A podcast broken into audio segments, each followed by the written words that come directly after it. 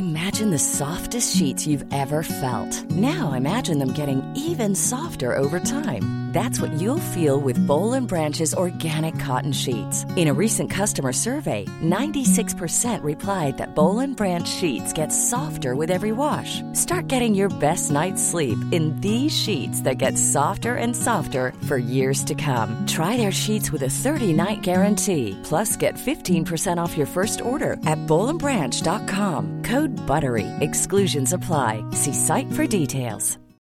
Since 2013, Bombas has donated over 100 million socks, underwear, and t-shirts to those facing homelessness.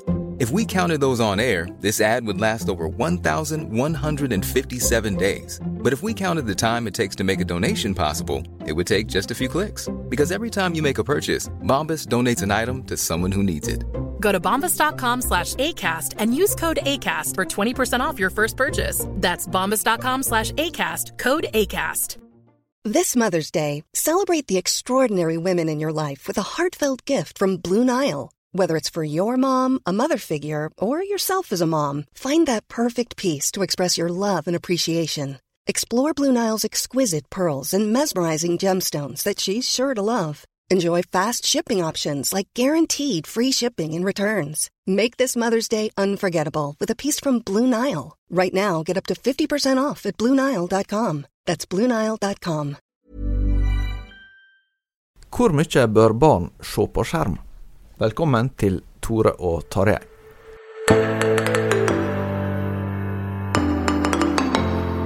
Tarjei Gilje og jeg, Tore Hjalmar Sævik, sitter her med en eh, ny rapport fra eh, NLA Høgskolen og Barnevakten, som eh, handler om, eller har fått tittelen 'Skjermet barndom'. En god tittel. Det er en god tittel, og eh, det forteller jo noe om endringer som, eh, som eh, ja, eh, angår oss alle. Jeg prøver å fortelle barna mine hjemme at vi ser på barne-TV fra seks til halv syv. Ja, det var det det. som var Nå, nå skal det også nevnes at, eh, at eh, flere av oss hadde jo Commodore 64 og senere Amiga 500, som også ble en del skjermtid av. Ja. Men Ja, eh, ikke helt på samme måte som med iPad og så videre. Det skal vi snakke mer om litt seinere i episoden i dag. Vi får besøk av Kjellaug Tonheim Tønnesen fra Barnevakten, som da kan fortelle oss litt mer om den rapporten som er Ja, den er ikke så fersk at den er varm ennå, men den, den er nei, den- gjøre. Det er ikke mye å gjøre.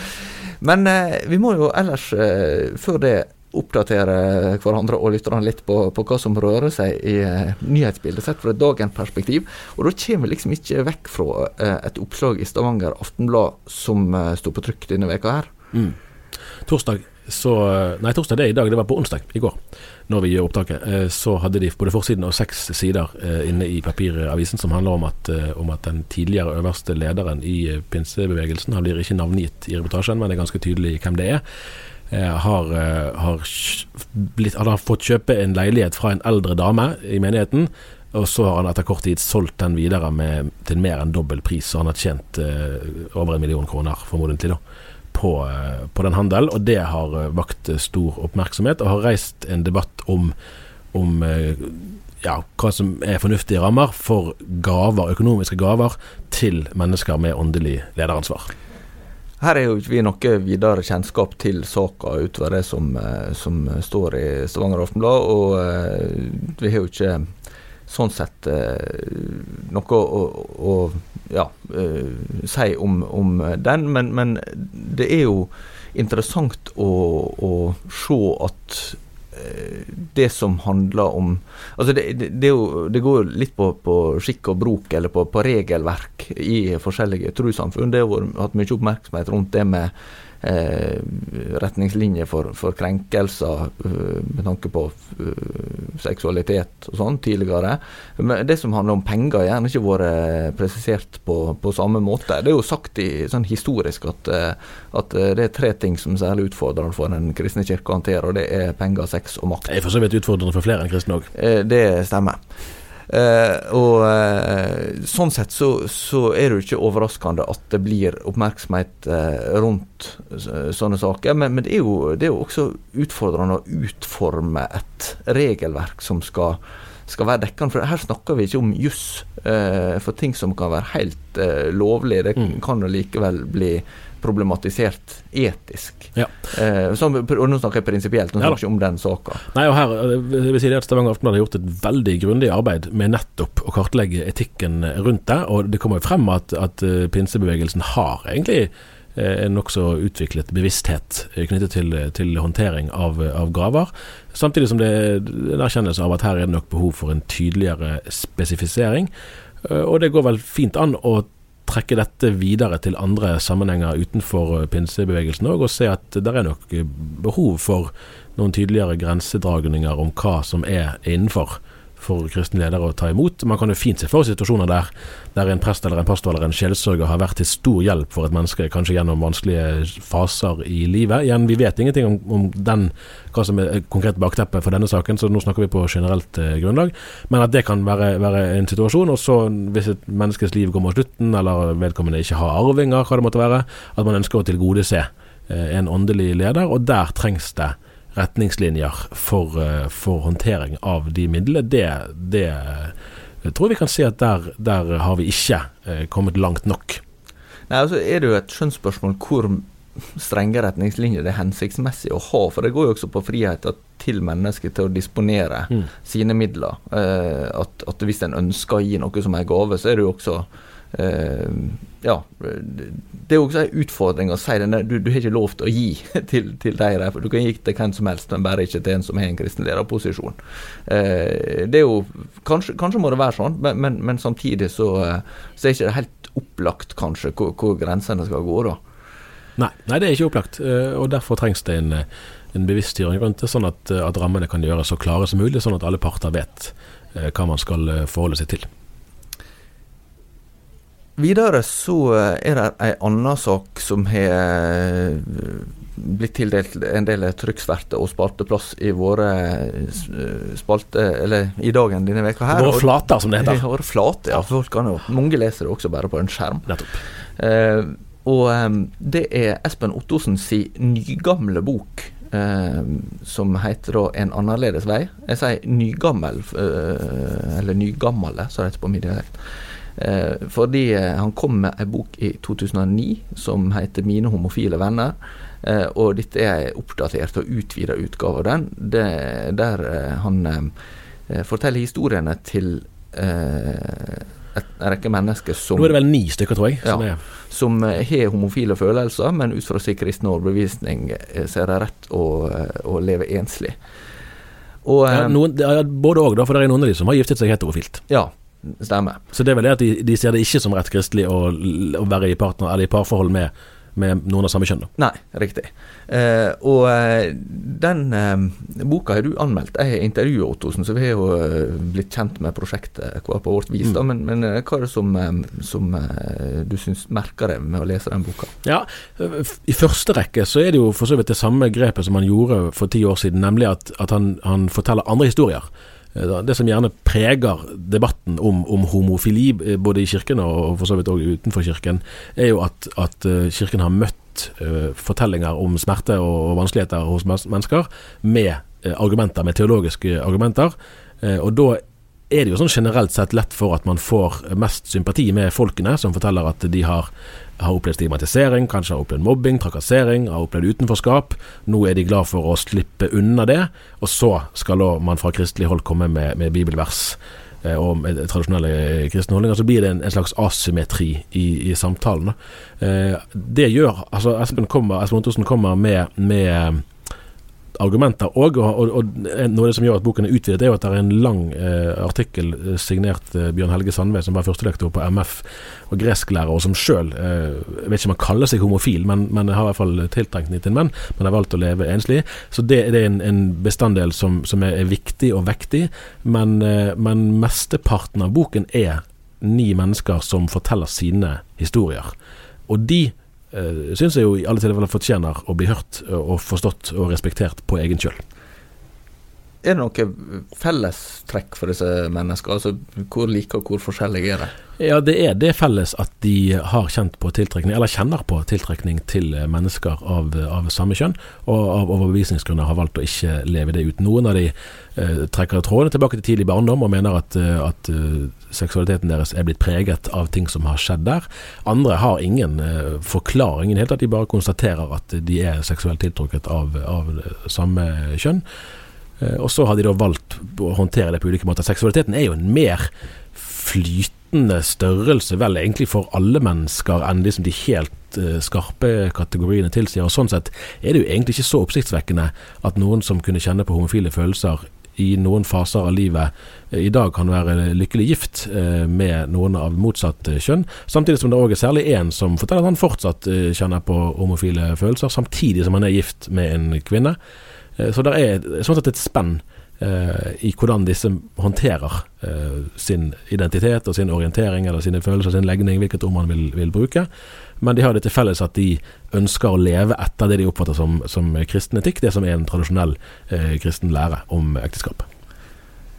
Hva tenker du om eh, mottagelsen for en sånn bok? Nå har det gått elleve år siden den forrige kom ut. Er det noe som endrer seg? Er den måte, den samtida boka skal ut i. Så elleve år er jo ikke så lenge. Nei, nei, det kan du si, men det har jo skjedd veldig mye i befolkningen i, hold, på, i holdningene på dette området her på den tiden.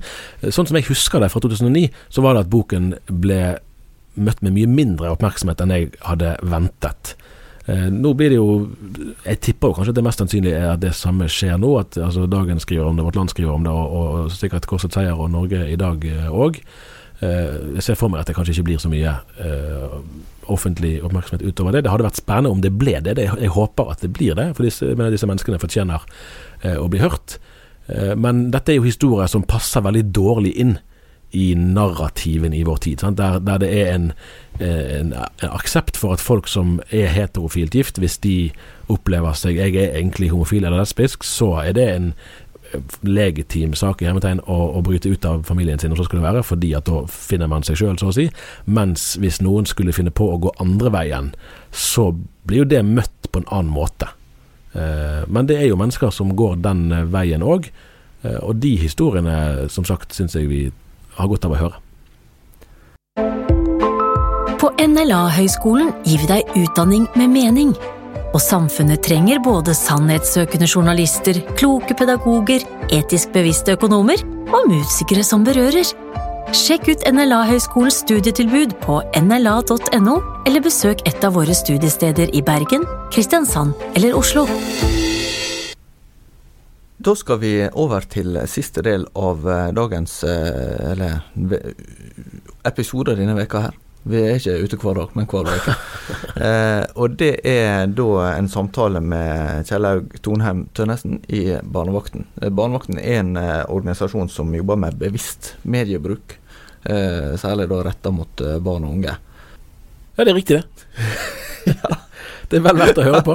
Og her er det både, er det både mat for tankene og de som har barn, kan jo òg eh, risikere å få med seg ganske gode innspill til eh, livet i heimen, og for så vidt utenfor heimen òg, knyttet til eh, barn og mediebruk. Og der er jo virkelig en del vi som voksne òg kan lære der.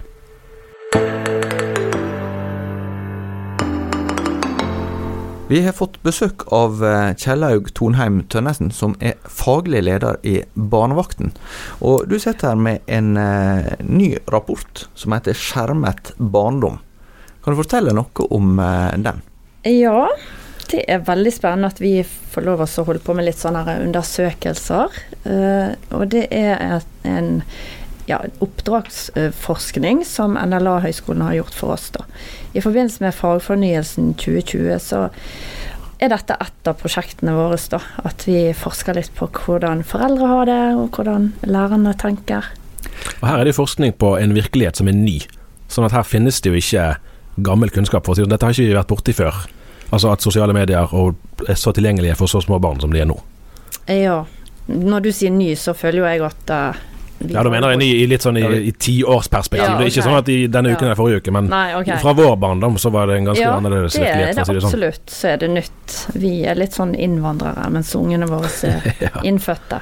Så sånn sett er det nytt. Men det har jo allerede vært noen år, så vi Ja. føler vi har stått med begge beina i dette lenge. Jeg mente nytt på den måten at forskning tar gjerne litt tid. Ja, Sånn at det har ikke vært mulig å forske på dette så veldig mye før Ja. de siste årene. Ja. Vi har heldigvis eh, Medietilsynet sine undersøkelser som kommer annethvert år, og de er ganske omfattende. En foreldreundersøkelse og en barneundersøkelse. Så det, det er spennende. Ta- Men hva er det som er nytt med den undersøkelsen som dere har gjort? Altså, hva, er det dere vil kartlegge med den? Eh, Vi ønsket å finne litt ut eh, hva foreldre eh, ønsker råd og kunnskap om. Hva de trenger ressurser på. Og så ønsket vi å se hva, for, hva skolen trengte mer konkrete ressurser på i forbindelse med fagfornyelsen nå 2020. Der dette her med nettvett og digital dømmekraft skal mer inn i skolen osv. Og så henger det òg sammen med at vi har eh, lansert en eh, pedagogside. Eh, på barnevakten.no så finner man en dør inn for pedagoger, helt øverst. Eh, så vi har en sånn filter eh, og søkemotor der som lærer kan søke på tema ut ifra alder osv. om de vil ha elevressurser eller foreldreressurser. Så det er for å komplementere den, og der har vi samla alt som er lagd i Norge eh, av ulike aktører som er nyttig for skolen, da. På digital dømmekraft og nettvett og dette her. Hva er det som uh, tydeligst er, er utfordringene som, som uh, kommer fram i undersøkelser? Hva er det foreldre, lærere og barn for så vidt opplever som, som utfordrende med å, å bevege seg på nettet? Ja, det som de i hvert fall eh, er veldig tydelige på at de ønsker mer eh, konkrete råd og informa informasjon om, eh, det er spesielt på det med tidsbruk, eh, aldersgrenser og praktisering av regler. Det er foreldrene sitt. Og så ser vi òg at de ønsker mer kunnskap om sikkerhet og filter og sånne ting. Altså konkrete løsninger til nettbrett og telefoner og sånn. Og så sånn generelt effekten av nettbruk. Det er de også nysgjerrig på, da. Hva sier dere egentlig om skjermtid? Det var jo et, et ord som vi ikke hadde igjen da i vår barndom. Mm. Den, den var jo automatisk sett fra myndighetenes side. Den var en halvtime hver dag. Ja, nettopp det. Det var veldig en enkel problemstilling. Derfor spør jeg. Altså, altså, gi, når dere, dere er rundt og har eh, foredrag sant? rundt Mm. omkring på mange landets skoler og treffer, leste jeg, 60 000 faktisk, barn og unge og foreldre hvert år. Det er jo et kjempe, kjempehøyt antall. Gir dere sånn her, det er lurt å ha en time i helgen, en halvtime. altså Setter dere sånne timelige idealer, eller er det mer opp til foreldrenes eh, skjønn å Ja, avgjøre veldig godt spørsmål. Og vi får en del sånne spørsmål. nå. Barnet mitt er åtte år. Hvor mange minutter? Ja, Sant? Og det er veldig vanskelig å svare på. Og vi er på en måte Vi har ikke den myndigheten til å kunne svare noe veldig konkret på det. Pluss at eh, vi har ikke noen sånn konkrete råd eh, fra helsemyndigheter i. Norge f.eks. på sånne ting. Verdens helseorganisasjon har jo gått ut med konkrete råd for barn under fem år. Eh, Men ellers så prøver vi å få til gode debatter og refleksjoner med foreldrene. eh, Der vi Ordet balanse tenker vi er kjempeviktig. At de tenker gjennom dagen og døgnet. Mm. Og hvordan vil vi ha det hjemme. Eh, og så er det selvfølgelig mange som sitter med litt sånn frykt og panikk i bagasjen fordi de er vokst opp med å klatre på fjellet og springe ute hele barndommen sin. Så da blir de litt sånn forutinntatt engstelig på en måte mot skjermbruken. og så det går veldig mye energi på, i en del hjem, tror jeg, på å bekymre seg, Mm. rett og slett. Og kanskje uberettiget også. Så vi tenker få opp eh, refleksjon rundt det og så finne balansen. Hva er viktig i barn sin, sine liv totalt sett? Sant? De må nok hvile. Nok søvn, ikke minst. De må ha tid til å spise. Samhandling med familie og venner. eh, Face to face òg. Ja, fritidsaktiviteter, være i bevegelse. Lekser. Husarbeid. Og så kan du se hvor mye tid har du igjen. Akkurat, akkurat. Så jeg tenker for noen barn, noen dager, så har du god tid til å være Mm. mye på skjerm. Og jeg tenker vi må se litt forskjell på vinter og sommer, helg og hverdag. Barnevakten ble til for ganske nøyaktig 20 år siden, i Mm. begynnelsen. Da var det en, en, en sånn grasrot eh. Da var det TV3 som var den konkrete motparten der, og det gikk på hvor sterke scener kan man sende på TV, hvor tidlig på dagen. Blant Mm. annet. Og, da, og, da, og de ville ikke, og så gikk man til annonsørene, og da trakk de seg, og så måtte TV3 trekke seg òg. Jeg lurer på, hvem er det som på en måte er motkreftene i dag? Hjemme i husene kan man oppleve at det er barna. Sant, som gjerne vil spille og se på mer enn foreldrene gir lov til. Mm. så Det kan jo være en, individuell utfordring i, i den enkelte familie. Men òg på samfu samfunnsplan er myndigheter, kommersielle aktører, TV-kanaler osv. Opplever dere at de vil være i dialog med dere, eller må barnevakten stadig bevisstgjøre hør her, det dere gjør har konsekvenser som dere ikke har tenkt over? Ja, jeg syns jo eh, vi har masse spennende samarbeid eh, rundt omkring, men, men det er jo ikke til å stikke under en stol at her er kommersielle aktører som vil ha pengene våre og tiden Mm. vår. Sant? Så eh, ja. Det er spesielt på nett sant? og sosiale medier og mye sånt, så er det bare den massive reklamestrømmen, algoritmestyrt innhold og alt dette her, det gjør jo at eh, vi blir litt sånn sugd inn, sant. Og, og de holder på oss på en sånn usynlig måte. Eh, og så er det jo masse som er gratis å laste ned, og av underholdning og spill, ikke minst. Men så er det fristelsene inn i spillet til å bruke penger og sånn. Så det er jo store kommersielle aktører som nå er mye mer globale sant, enn lokale. Så du kan ikke bare ringe til eh, kringkastingen vår. Nei. Eh, For det at eh, innholdet som barn forholder seg til, det er jo globalt. Så det er jo sånn at på en måte kampen er kanskje vanskeligere fordi Ja. at du står overfor en motpart som du egentlig ikke treffer noe sted. Ja, det er sant. Og, og liksom, hvem er vi? Foreldrene i Mm, Norge, mm. sant. Vi er jo bare en bitte liten del av hele greia, hele bildet. Så eh, det er jo viktig med samarbeid her. At Europa f.eks. samarbeider.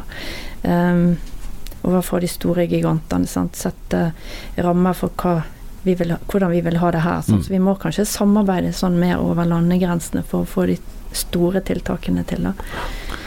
Dere har jo særlig vært opptatt med det med sosiale medier i Mm. forbindelse med nå etter at denne rapporten ble lansert. Da. Eh, Kan du si noe om, om hvorfor det er noe dere vektlegger særlig? Ja, det syns vi var veldig spennende å finne litt mer ut hvordan foreldrene opplevde det trøkket, da. For vi, vi merker jo det at det er der er en, de sitter i en veldig skvis, eh, og det ser vi òg av tallene til Medietilsynet fra 2018. Nå kommer de jo med nye tall nå nettopp, men da var det jo 80% som mente at eh, aldersgrensen var riktig, altså aldersgrensen på 13 år, eh, mens 4 Ja, da tenker du på f.eks. Uh, Facebook og TikTok og TikTok, Snapchat, Instagram og disse her som ungene er mest på, da. Eh, mens 74 av de eh, fra 9 til 13 var der. Eh, så det ville vi sjekke litt eh, nøyere. Pluss at vi fikk en ny eh, personvernlov i 2018 som eh, forankrer 13-årsgrensen i norsk lov. Sant? Tidligere så har jo den vært basert på loven i, i det landet som, som uh, tjenestetilbyder sitter. Mm. Sant?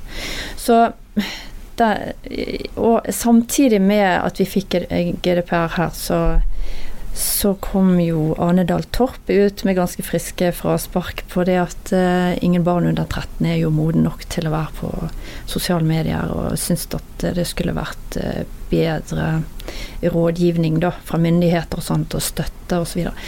så det, det har jo vært litt sånn spennende innlegg eh, og debatter, uh, så vi ville sjekke litt ut. Så vi spurte foreldrene om dette, så det var jo spennende å få de tallene fra de nå litt sånn ferskt.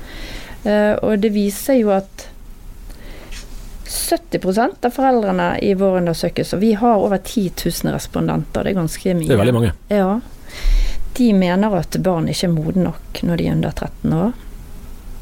Eh, og da må jeg jo si det at eh, altså 13-årsgrensen den er basert på pers personvernloven. Den går på det her med at barn skal beskyttes mot å bli samla informasjon fra.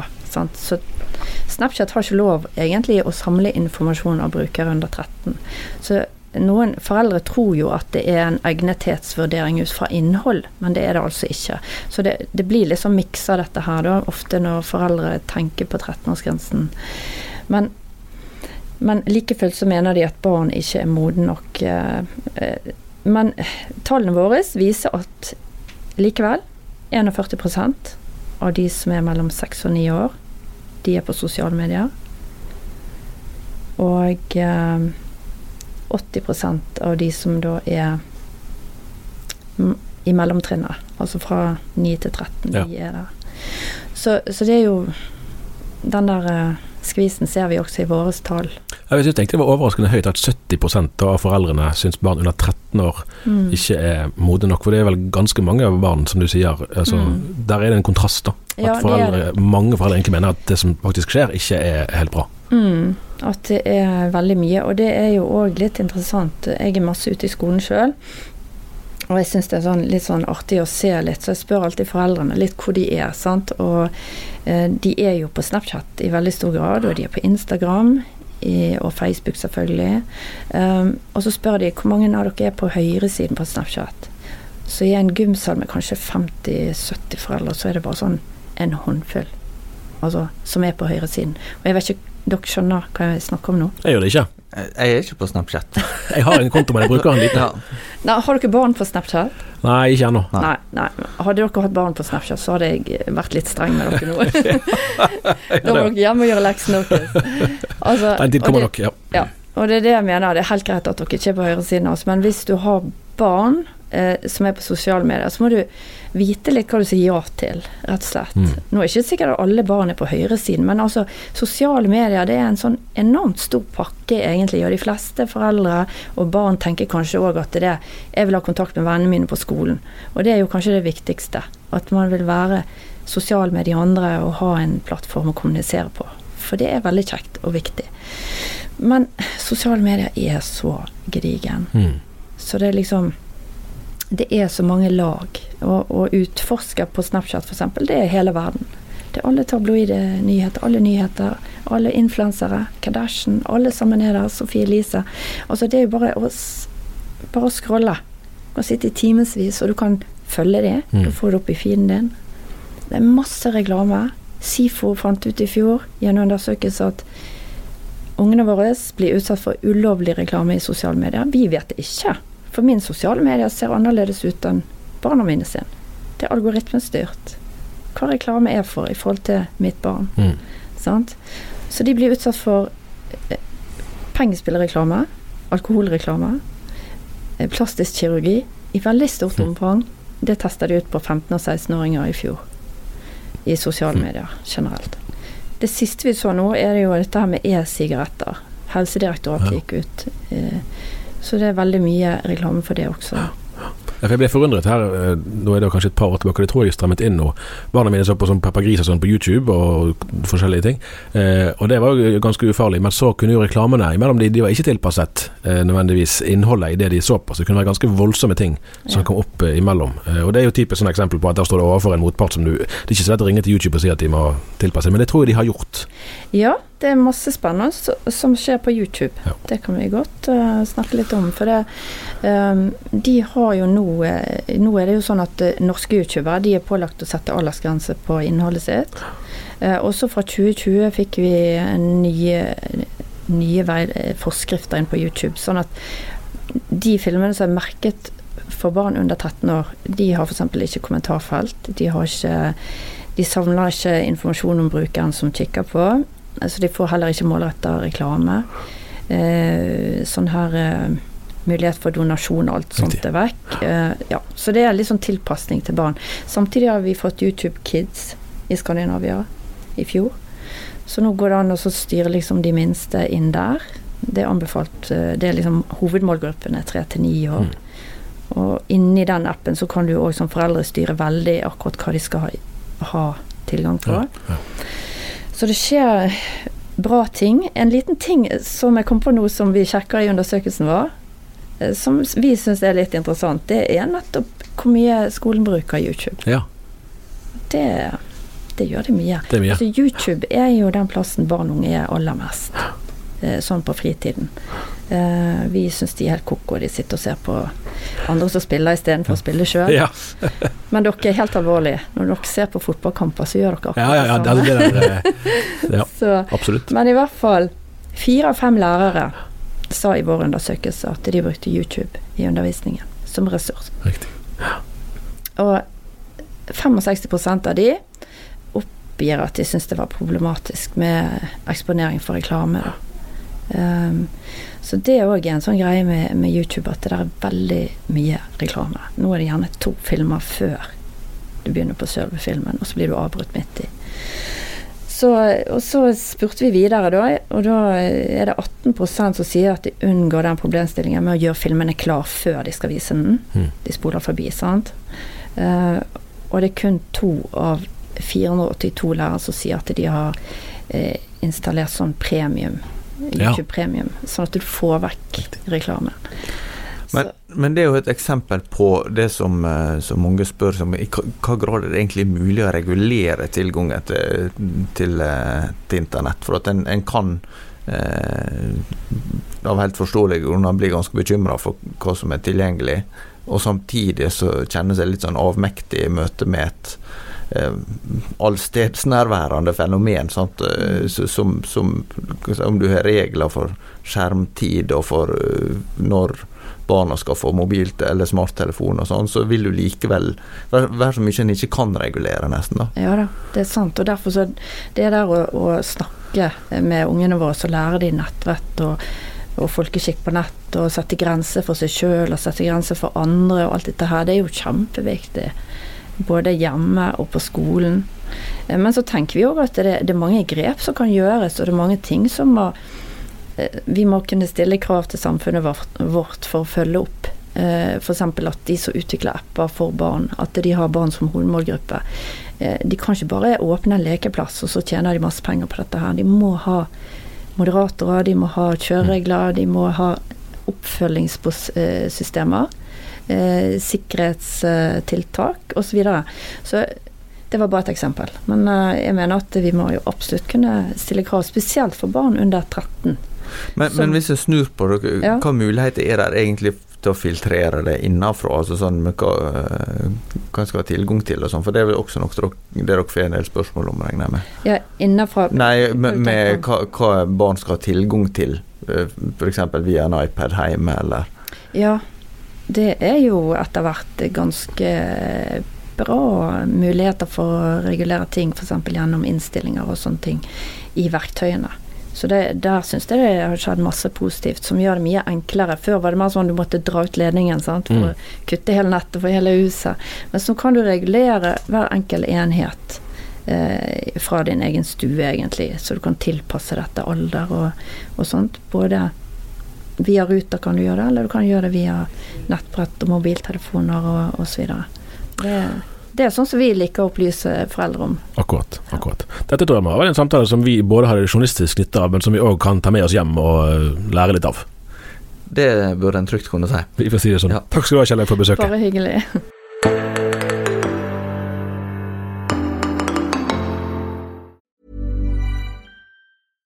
Want flexibility? Take yoga. Want flexibility with your health insurance? Check out United Healthcare Insurance Plans. Underwritten by Golden Rule Insurance Company, they offer flexible, budget friendly medical, dental, and vision coverage that may be right for you. More at uh1.com. Hey, it's Danny Pellegrino from Everything Iconic.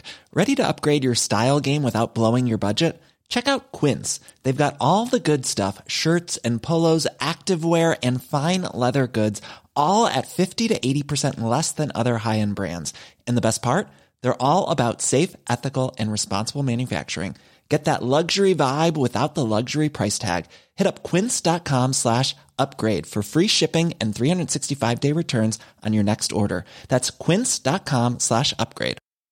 Hi, I'm Daniel, founder of Pretty Litter. Did you know cats tend to hide symptoms of sickness and pain? I learned this the hard way after losing my cat, Gingy. So I created Pretty Litter, a health monitoring litter that helps detect early signs of illness by changing colors, saving you money and potentially your cat's life. Pretty Litter is veterinarian developed, and it's the easiest way to keep tabs on your fur baby's health right at home. Go to prettylitter.com and use code ACAST for 20% off your first order and a free cat toy. Terms and conditions apply. See site for details.